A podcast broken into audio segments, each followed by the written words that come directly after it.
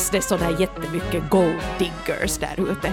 Finns de eller är de bara på amerikansk TV? Finns det så mycket guld här i våra finlandssvenska skogar? Det kan man ju också fråga sig. Att, att, det Våra kanske, skruttiga sommarstugor.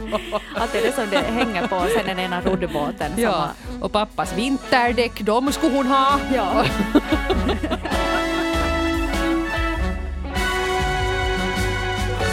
Eh, Hanna, vi har fått ett brev. Nähä. Ja, no, no, Okej, det var inte ett brev. Det var, det, var, det var helt ett elektroniskt brev. Tyvärr inte ett sådant fint med väldoftande brevpapper. Sådana skulle man också kunna få. Ett riktigt brev med frimärk. Just dem. Nej, det var inte ett sånt. Men jag var ändå intresserad av detta brev. Signaturen Kära tanten 67 var det som skrev. Bland annat så här. Min man dog för fem år sedan. Jag sörjde honom djupt för vi hann vara gifta i 40 fina år. Förra året träffade jag en man i min egen ålder och det kändes så rätt. Vi skulle vilja flytta ihop men mina barn protesterar för de tycker att jag sviker deras pappa. Jag ser ju inte att kärleken till min man försvinner någonstans för att jag nu har starka känslor för en annan, men det har blivit så att det känns som att jag måste välja mellan min nya kärlek och mina barn. Usch, vilken jobbig situation för det första att du förlorar din partner sen 40 år tillbaka. Mm. Jätteledsamt. Och, och som den här tanten skriver här då, så hon har sörjt den här mannen i fem år och nu kanske är redo att gå vidare. Jag tycker de där barnen är lite ogina. Mm. Ja, det, det tycker jag faktiskt också. Och det här var nog anledningen till, vi, till att vi tänkte att eh, det här måste vi prata om i ett avsnitt. Så det här avsnittet ska vi ägna åt det som händer när en vuxen förälder blir kär på nytt och de också vuxna barnen sparkar bakut. Eh, vi ska alltså inte kanske prata om det här att man är tonåringar eller barn som tycker det är jobbigt när en förälder skaffar en ny partner, utan det här när faktiskt alla redan är vuxna och det ändå kan finnas lite så här inflammerade känslor där. Ja, jag tror att det är jättesvårt att eh, på något vis förhålla sig till det. Att om du nu har då en förälder som är ska vi nu säga 50, 60, 70, 80, varför inte äldre också. Om den då sen har en ny pojke eller flickvän och blir sådär tonårsförälskad så tror jag att det, det, det... Man har ju inte sett sin förälder så. Så därför kanske det känns väldigt underligt. att Det är liksom ett helt nytt upplägg på något vis för, för eh, relationerna. Och sen kanske också det där att man är lite orolig för den där föräldern. Man kanske börjar tänka att oj nej, att tänk om min gamla mamma blir lurad om hon nu börjar söka efter någon ny och dejta här. Att det dyker upp någon hemsk sol och vårare eller lurendrejare eller såna, de här amerikanska militärerna på Facebook. Uh, de, de har nog börjat höra av sig till mig redan. Ja, de ser alla ut som Martin Melin, vad konstigt. Ja. Eller så kanske du är lite misstänksam mot din pappas nya flickvän. Att tänk om hon är ute efter arvet. Tänk om hon ska liksom snuva oss på konfekten Ja. sen den dag han dessvärre kippar i graven. Ja, och man har börjat tänka att min pappa, han, han har inget omdöme. Han, han tror bara att nu kom Anna Nicole här och det här kommer att bli hur bra som helst. Erika ja. Girardi. Ja, liksom, ja, jag förstår ju att det här kan bli besvärligt. Eh, och vi har fått in vittnesmål från lite olika synvinklar här. Eh, vi ska kunna börja med eh, signaturen Jen, 40 plus, som skrev att jag och min bror uppmuntrar starkt vår mamma att dejta online något år efter att vår pappa hade dött. Hon var inte ens fyllda 60 år då och hon hittade sen en riktigt trevlig man som vi varmt har accepterat i familjen. Det enda kruxet var ju då att stå ut med mamma när hon var nyförälskad. Jag kan tala om att det vill man inte vara med om. Men som tur har de nu varit tillsammans så länge så vardagen rullar på och vi är ju lyckliga för deras skull. Mamma är sådär, vill visa alla hela hans eh, Ja. Instagram-profil. Ja. Att, se på det här och är inte han gullig här och titta här är hans hund. Ja, eller en, man har haft en sån sansad och praktisk mamma och sitter hon där Jag kan förstå att det blir lite, en lite sådär förarglig situation. Det är ju kanske lite sådär som att man kanske helst tänker att man själv har kommit till världen med storken. Ja. För något annat vill man inte tänka på. Nej, nej, det är sant. Om då en förälder blir jättekär på nytt så får man se en sån där lite jobbig sida. Det är ju inte jobbigt för den där föräldern, det är ju ljuvligt men jag Ja. förstår att man som barn kan tycka att Ugh, mamma! Ja. Jag, har lite svårt att tänka mig det faktiskt. Ja. Men det är ju ljuvligt och det händer. Ja, och, och vad fint! Jag menar, det här var ju underbart att det på något sätt ordna sig och att, att, ni har, att hon dessutom hittar en person som, som ni också gillar, mm. barnen. Mm. Signaturen Snart 60, Livet är kort har också skrivit in till oss och där gick det inte alls lika bra. Skriver så här. Jag träffade min blivande man när hans fru hade avlidit i cancer ett drygt år tidigare och han hade två söner. Vid den tidpunkten så var den ena redan utflugen medan den yngste skulle skriva studenten och sen flytta vidare till en annan ort för att studera. Redan vid första mötet med den yngre sonen så blev det fel. Och det här har fortsatt cirka tio år och sonen hade sin egen metod, så kallad silent treatment. Alltså det att man, man bara helt mm. enkelt tiger ihjäl det. Han tilltalade endast sin far fastän vi satt tillsammans med vid vårt köksbord och han var på besök hos oss. Han tittade ner i golvlisten utan att hälsa. Det är helt möjligt att jag ibland sa fel saker, men det var mycket tungt att ha honom på besök. Jag tröttnade på sönerna och deras familjer till sist och avslutade kontakten med dem helt. Min man han åker och hälsar på sönerna och deras familjer, men jag, jag stannar hemma. Vad har jag lärt mig? Ja, jag vet inte om jag skulle göra om samma sak mera ifall detta skulle gå i repris. Och den frostiga relationen till min mans barn har kostat mig hälsan. Oj, det blev riktigt tokigt i det där. Uh, och, och jag, man undrar ju lite vad, vad det är som gör dem så avoga. Okej, okay, jag, jag, kan ju kanske förstå det där att de var ju alla förstås kvar i en, i en sorg om mamman i familjen hade dött ett år tidigare. Jag tänker också att om hon dog i cancer så är det ju mycket möjligt att den här pappan, jag menar hans sorgeprocess hade säkert inletts redan tidigare om det var liksom en utdragen sjukdom det här. Han visste att så här skulle gå. Och inte vet jag nu sen, jag menar ett år efter att man har blivit enka enkling. Är det en kort tid, är det en lång tid? Det tror jag bara den som är i den där situationen själv kan avgöra. Men kanske de här sönerna då, då tyckte att det gick på något sätt för fort. Jag tror att många barn kanske kan känna att den där pappan då i det här fallet att pappan liksom svek den där mamman som dog alldeles för tidigt. Mm. Och att man på något vis ser det som ett svek mot henne. Men inte vet jag nu sen att vad är nu den där sorgeperioden då? Var inte så där förr i världen så skulle man sörja i ett år och gå, i svart, gå svartklädd i ett år för att då visa att man sörjer sin döda make eller maka. Men inte vet jag hur det är nu. Jag hade faktiskt äh, bekanta till mig som blev tillsammans efter att den enas partner dog. Mm. Och, och, den här nya då var där och trösta och att det, från det sen föddes en ny relation. Så inte vet jag där heller om man kan säga att det är rätt eller fel. Inte tror jag att den där pappan heller var sådär att yay, nu kan vi sätta bara spika fast kistlocket nu ska jo, jag gå vidare nu är jag lös och ledig. Nej. Ja. Men då tycker jag man ändå har rätt till, till ett, ett nytt liv eller åtminstone ett annorlunda liv. Men borde man kanske liksom ta det där snacket på något vis mm. liksom före? Det är kanske då, då, då någon blir sjuk så kommer, kommer det ju som på tapeten. Men jag tänker du och Jonas, Mm. Har ni fört en sån här diskussion att, att om, om vi nu, gud förbjuder, du eller Jonas skulle bli sjuka eller hamna i en olycka och dö för tidigt, mm. att hur den andra skulle gå vidare? Det, det slår mig ju det här att det är ju egentligen nu vi borde prata om det här när vi ännu är hyfsat unga och friska båda två. Det är inte alls aktuellt men man vill ju inte. Det är ju lite som att göra upp ett äktenskapsförord. Att om vi skiljer oss, vad händer då? Man vill ju inte tänka så långt men kanske man borde.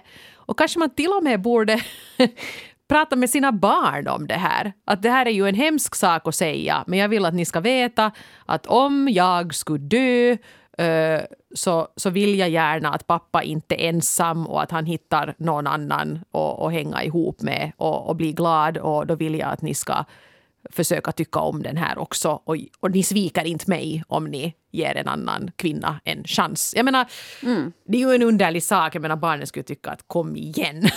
om ja. jag skulle börja med något sånt Hur mycket vin har du druckit mamma? Ja. kan du sluta vara så jobbig? Jo, då, det var nog ett glas. Jag vill att ni ska veta. att då mamma dör. Nej, men jag menar, det, skämt åsido, det kanske skulle vara ganska bra att säga det, eller åtminstone signalera det på något sätt. Mm.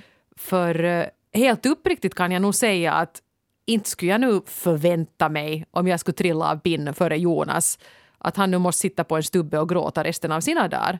Nej. Jag menar, vad har du för glädje av det att om du nu ligger död och begraven någonstans? Ja, sitter uppe på ett moln och kastar blixtar på honom ja. om han får upp ögonen för någon annan. Genast han ska köra iväg på en dejt så tar, ser du till att du punkterar däcken ja. på hans bil. Såna powers ska jag se till att ha.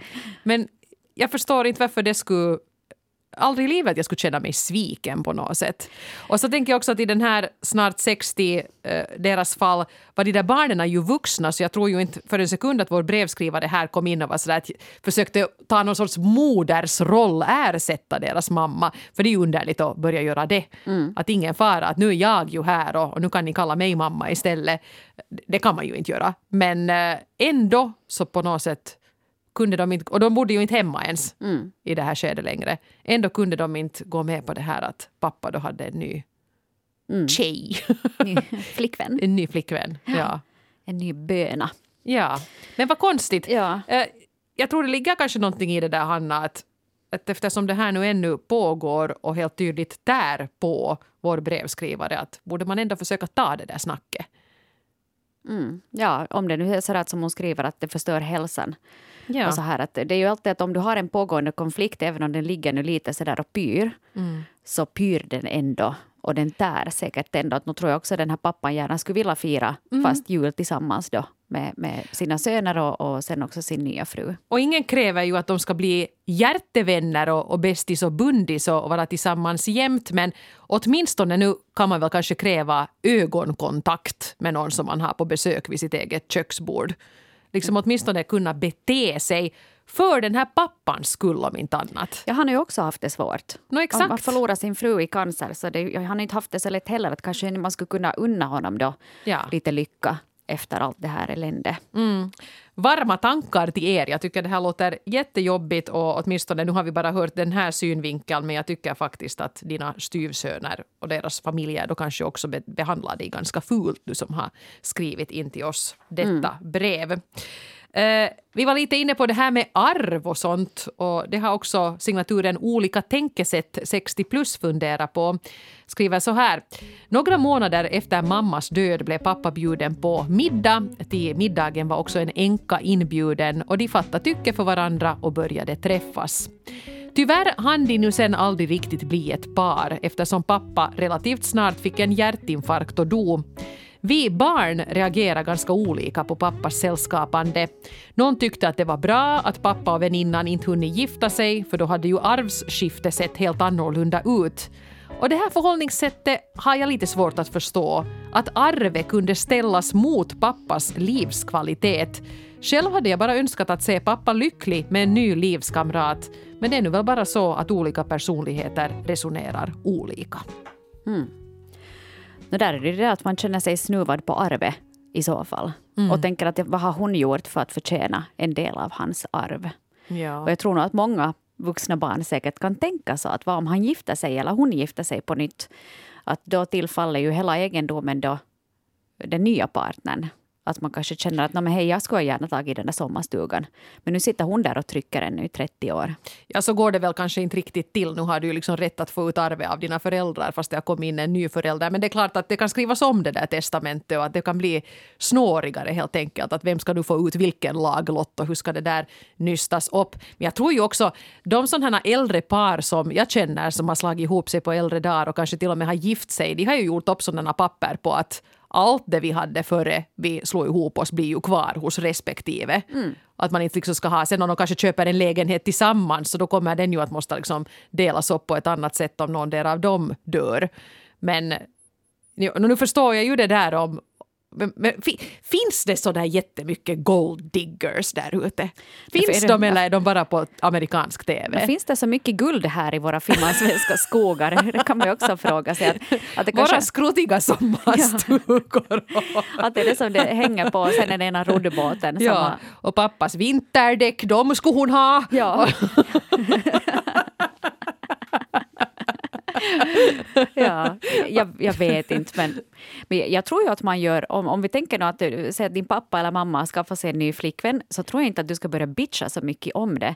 För tänk om, om han börjar tänka att men det här nya är mycket trevligare, mina barn beter sig som skit, så skriver den här föräldern ut dig ur sitt testamente och ger allting åt den där nya. Mm, ja, och så är ju också kanske en farhåga som kan vara helt riktig också, är ju att man kanske om det är en person, den här föräldern är, är så gammal att den har börjat bli kanske lite visa tecken på att bli lite dement eller någonting, så då kan man ju bli verkligen orolig. Att vad, vad smäller nu Gullbritt i pappa när de är på tu man hand? Och vad är det här för ett papper och, och vad är det för en advokat som har skrivit på det här? Och det är klart att det kan finnas, till och med helt befogat, vissa farhågor där. Men skulle nu inte bästa i så fall vara att prata med den här, till exempel då pappan och säga att, att hur har ni nu tänkt med det här juridiska, att ska ni gifta er, att, att hur går det nu med vårt arv? Man kan ju fråga, hur har ni tänkt det här? Ja. Ja, överlag så tror jag att det är bra att ha en plan. Jag har en Ja. plan för om jag skulle dö imorgon så har jag en plan för hur mina pengar ska fördelas. Så, så jag menar, det är ju bra att ha oberoende. Du har tre barn. Eliza, Uno och Sisu. Och Sisu, så, som är hunden då, han får mest. Han får mest, de andra får dela på smulorna. Ja, ja. Han sätter sig vid matbordet istället och de får kräla dit under golvet. Men det är ju krassa saker, men, men jag tycker det är ju också viktigt att prata om de här om det går riktigt tokigt scenarierna och ha en plan där. Och jag tycker inte faktiskt att det på något sätt är ofint att om man nu skulle ha till exempel nu mina föräldrar båda lever lyckligt gifta och, och, och, och friska ännu men om nu någon del av dem skulle trilla av pinn och den som blir kvar skaffa en ny så nu tror jag jag helt liksom glatt skulle fråga att men hur har ni nu tänkt då med eh, arvet efter min farmor och farfar eller vad vi nu skulle ha där då kanske som vi borde, borde fundera på. Det är ju bra, det, det angår ju hela familjen en sån här sak. Men om vi frånser, frånser liksom pengarna då. Om vi tänker nu då att, att någon av dina föräldrar eller mina föräldrar skulle dö och, och de skulle då hitta en ny. Hemsk tanke, ät era vitaminer där Ja, hemma. Ja. Men liksom om vi nu tänker oss in i det här scenariot, så hur skulle du ta det då? Om någon av mina föräldrar skulle skaffa en ny. Ja, Nå, det beror ju nog, din- det, din det beror mamma- ju jättemycket på den där nya, måste jag ju medge. Att nu ska jag ju förstås unna den som blir kvar att inte behöva vara ensam. Men man tänker ju då, om man till exempel nu har då en mamma som blir änka och mamma är en gullig liten tant. Så då vill jag ju att hon ska hitta en ny som är en gullig liten, och det kan vara en gullig liten tant, men det kan också vara en gullig liten farbror, alltså någon som är sådär lite i samma ålder och sådär, tycker jag att skulle kännas bra. Men om hon sen skulle säga att här är Julio. Ja, som, är lika, som är yngre än du. Ja, han är yngre än du! Att det är ju kiva att han det här... Ja. Ja. han kommer så bra överens med barnbarnen för de är ju typ jämnåriga. Och det här är nu den jag ska dela mitt liv med. Och vi har fixat upp allt det här med arvet så bry dig inte om det. Så, nå men vadå? Nå men kanske hon skulle få då. Om, om han är en rättskaffens Julio, Ja. så kör på Ja. mamma! Ja. Alltså jo, nu skulle det ju kännas lite konstigt, nu måste jag ju medge det, men det är väl nog kanske en tanke jag bara skulle måste vänja mig vid.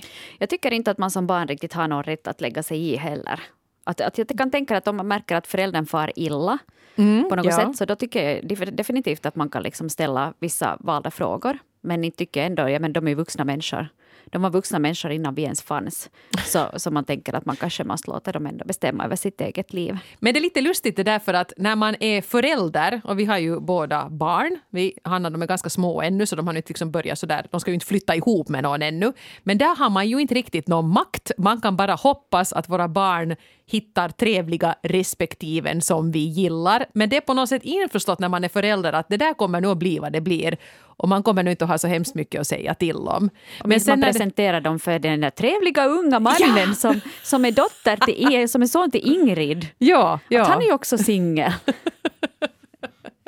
Usch, det där äckliga som man, jag också har hållit på med, att när typ någon kompis har fått barn i samma tider som jag, så, här, ska vi förlova ihop dem genast? Och det var Ja. så här jätteheteronormativt. Att, "Nu nu fick du ju en pojke så han kan ju ta min flicka då. Ja, så har vi fira trevligt." jul tillsammans? Ja. Usch, jag ska Ja. sluta med sånt. Det ska Nåja. du inte göra. Men min poäng var det att när det sen är tvärtom eh, man på något sätt tycker ändå att man ska ha rätt att lägga sig i sina föräldrars kärleksförehavanden fast man liksom har godtagit att jag kommer inte att kunna lägga mig i mina barns Mm. situation. Och det är precis samma som gäller vad de andra generationerna, de gör vad man gör. Du ljuger så du hostar här nu. ja. Jag dör nu! Ja. Jonas, du får ta en ny! det är okej! Hej Kan vi, få, kan vi få inspelat det poddavsnittet först? Sen Okej. ringer jag Jonas. Bra. Aj, ser du, du är framme genast du. Vad är pinkoden till din telefon? Och var är nyckeln till smyckeskrinet? Du har Face ID på din telefon så jag bara sätter telefonen framför ditt avlidna ansikte. Så jag kommer åt din nätbank. ja, ursäkta. Det var en liten parentes. Ja, vi måste kanske gå vidare med Är du okej nu? nästa brev. Jag är helt okej. Okej, ja. bra. jag fick en tupp i halsen. Ja, Mm. det händer även i bättre familjer. ja. Uh, Vi hade Lena, 51, här som var inne på just det här som vi redan pratade om. att jag tycker att det är bra att min mamma har en ny käresta i sitt liv för hon har någon att dela livet med och de gör saker tillsammans. Det är viktigt. Och jag tycker inte att det är ett svek mot pappa. Han hade inte velat se henne ensam. det tycker jag är fin inställning. Mm. Ja. Undrar om de hade haft ett snack på förhand så att man förstod det där att pappa Mm. Hade gett dem sin blessing, vilket han kanske gör då från sin molnkant. Men jag, jag måste bara inflika här en grej som jag kommer på. att Nu har ju alla de här breven handlat om, att, om änkor och änklingar. Att liksom den ena har dött. Men vad om de bara har skilt sig då? Då är det ju en lite kanske annan grej. Att jag tänker att om den ena är liksom död och begraven och borta för evigt, så då är det liksom lättare kanske att acceptera. Men att vad om de skiljer sig och sen blir din mamma ihop med Julia? No, Det är ju ett lite annat scenario ändå kanske. Och är pappa sitter det. ensam där och gråter i sin nya tvåa. ja. Eller gamla, riktigt sunkiga tvåa. No, då hoppas man ju kanske att de skulle vara så där i synk. Att hittar den ena en ny så hittar också den andra en ny. Och så börjar liksom de tävla om vem som vidare. får en yngre. Eh, Ja. jag är så inte bekväm med att föreställa mig det här nu. Men inte skulle det ju liksom riktigt angå mig Nej. På sätt och vis. Men det är lite annat då. Det är lite det är lite annat. annat då. Jo, jo, För då jo. kanske man börjar ta vara någons, någon deras parti eller så här. Ja, jag tänker där faktiskt på min mormor och morfar. De eh, är döda nu båda två. Men där gick det ju så att efter att de hade skilt sig så gifte min morfar om sig. Och jag vet inte, min mormor hon var ännu ganska ung. Hon var ganska foxig. Hon älskade att dansa. Hon älskade mode. Hon älskade shopping. Hon var rolig. Men hon bara liksom gav upp. Och det var aldrig ens aktuellt för henne att hitta någon ny. Och hon skulle bra ha, hon skulle ha gått åt sådär bara om hon skulle ha försökt. Om det skulle ha funnits nätdating då. Det skulle hon ha tyckt att var jätteroligt. Hon skulle ha hittat någon. Helst skulle han ju se ut som Matlock. Men då skulle vi ha haft någon sån här Matlock vid julbordet och det skulle ha varit härligt. En sån släkting skulle jag gärna ha. Bonussläkting skulle jag gärna ha velat ha. Hör du Eva där hur hälften av våra lyssnare föll av tåget här med, med den här gamla referensen. Googla Matlock. Ja, Ja. Men herregud, Matlock snurrar ju på Yle fortfarande med jämna mellanrum. Jag tycker varje gång man slår på TV så går det antingen Simpsons eller Matlock någonstans. Kan de ha missat det? man vet aldrig med dagens ungdom. Um, vi skulle nu kunna ta här avslutningsvis ett, ett ganska långt brev som har kommit in från signaturen Dottern. Och det här är en, en solskenshistoria med många, många fina tankar. Och vi hamnar lite nu att korta ner det, men vi skulle kunna ta det så där i, i stora drag. Ja, dottern skriver så här. Min mamma blev änka för mer än 20 år sedan. Hon var drygt 50, vilket jag nu som själv 40-plussare insett att det var ju faktiskt väldigt ungt. Men jag minns att jag ganska fort tänkte att det skulle vara fint om hon träffade någon ny. Men det gjorde hon inte, även om det nog har funnits möjligheter. Och jag tror att både hon och vi barn nästan gett upp hoppet om hela saken. Men si nej, hoppet ville annat. För två år sedan, efter en spontan vänförfrågan på Facebook eh, från en bekant från förr i tiden, så dök han upp. Han kom från Sverige, han bjöd ut henne på dejt i sin cabriolet. Härligt. Mamma var lite tveksam i början, så vi fick ge henne lite uppmuntrande pushar, vi barn och barnbarn, och så tackade hon ja. Tack och lov att hon gjorde det. Sen körde de ut i solnedgången med nedfällt tak och de gråa håren fladdrande och på den vägen är det. Efter det här har de träffats mer eller mindre regelbundet, ja, mindre regelbundet nu i och med corona i ett skede och de verkar båda synnerligen nöjda med situationen. Visst, vi och barnbarnen ser ju lite mindre av henne än tidigare, men, men inte ens det tar bort av den genuina glädjen över att de har träffats och trivs med varandra. Och när jag tänker efter så visst finns det kanske en lite självisk del i det hela också. Jag hade betydligt mer dåligt samvete förut när jag funderade på om mamma kände sig ensam. Och då tänkte jag ju ofta att jag, jag borde ringa oftare och ses oftare och hitta på mera tillsammans med henne och så vidare. Nu behöver jag ju inte ha det här dåliga samvetet. Jag vet att hon har ypperligt sällskap. Om inte närvarande fysiskt så via timslånga videosamtal. Så länge leve all sorts kärlek och speciellt kärlek på äldre dagar, tycker dottern. Det var romantiskt. Ja. Tänk nu, där, där kom han den här från Sverige med sin cabriolet. Åh, Vem skulle mm. inte nu smälta för det? Det är nog Hanna det här du nu får. Han kommer med det grå håret fladdrande. Snart kommer Ja. med från Sverige-båten. Man Ja. vet inte. Men vad härligt. Men vad Liksom- härligt, ja. Och jag tycker att det är så fint det här liksom med, med att man ändå har uppmuntrat den här mamman länge.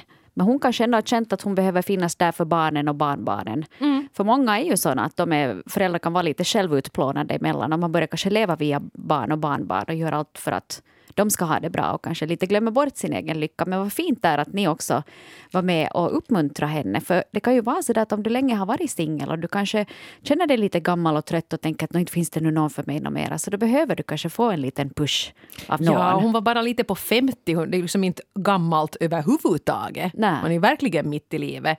Men det är ju förstås det också att att ge nu sig sen, jag, jag kan nog förstå det där också att ge sig ut och börja söka och dejta aktivt efter en stor sorg. Det kan nog inte vara så där bara. En del kanske känner sig redo för det ganska tidigt men andra kanske aldrig riktigt kommer till den situationen. Då måste den dyka upp så där som serverad på en silverbricka via Facebook eller hur det nu gick till här. Ja, men jag tycker att det är, en, det är en fin historia och det är också en, en väldigt så här uppmuntrande historia. Att allt kan hända. Jag tycker att det här är viktigt också att man kommer ihåg.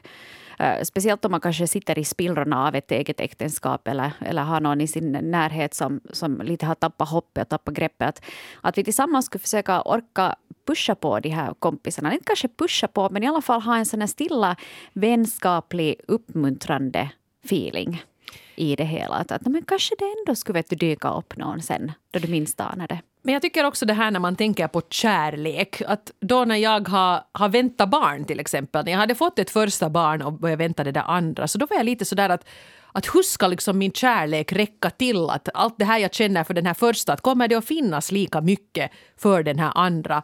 Och så insåg jag ju genast att ja men sann, alltså kärlek är liksom inte en resurs som tar slut. Jag tänkte att du skulle säga att den andra var mycket bättre, så du flyttade över kärleken till det andra Nej, men istället. precis lika mycket känslor. Det försvann ingenstans det jag kände för barn nummer ett men det kom en likadan dos för barn nummer två. Det är en förnybar resurs helt enkelt. Och jag tror ju detsamma gäller med romantisk kärlek. Det att man har levt ett, haft ett fint äktenskap med någon som, som ja, så tar det slut på ett eller annat sätt. Det betyder ju inte att du har använt upp alla dina liksom, kärlekspoäng och får börja från början och samla. Utan det kan finnas en likadan dos till om du hittar en ny rätt person. Mm. Ja, kärlek är ju inte Viktväktarna liksom. Oh, Thank God för det. Räkna och räkna. Du har 20 kärlekspoäng som du får hushålla med Här dagligen. får du. Det som det finns i kärleksväg för dig resten av livet är en halv grape och lite grynost. Nöj dig med det. Alltså jag var på så gott humör här efter dotterns brev. Och nu blev det en så beklämmande tanke. Nej men usch, jag, jag, jag klipper bort det där efteråt. Mm, nja. Uh, jag ska ännu kunna nämna här kvinna 72, så hon också är ganska inne på den här uppmuntrande linjen. Hon skriver också att välj inte bort kärleken för en närstående. Alla har rätt att välja själv. Och det tycker jag också är en bra påminnelse. Att du har ingen rätt att välja bort kärleken för någon annan. Jag tycker det summerar det hela ganska Mm. bra faktiskt. Så tycker jag också. Ja, Det är, inte, det, det är lite kvar tills vi kan börja känna vårkänslor nu. Nu går vi in i den mörkaste tiden på året. du, det var du som ville Men- muntra upp det här avsnittet, Eva. Men det är ju då man kan ha det extra mysigt.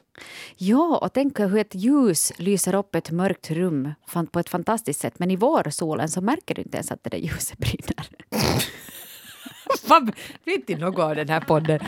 Underliga, depressiva metaforer avlöser riktigt- varandra.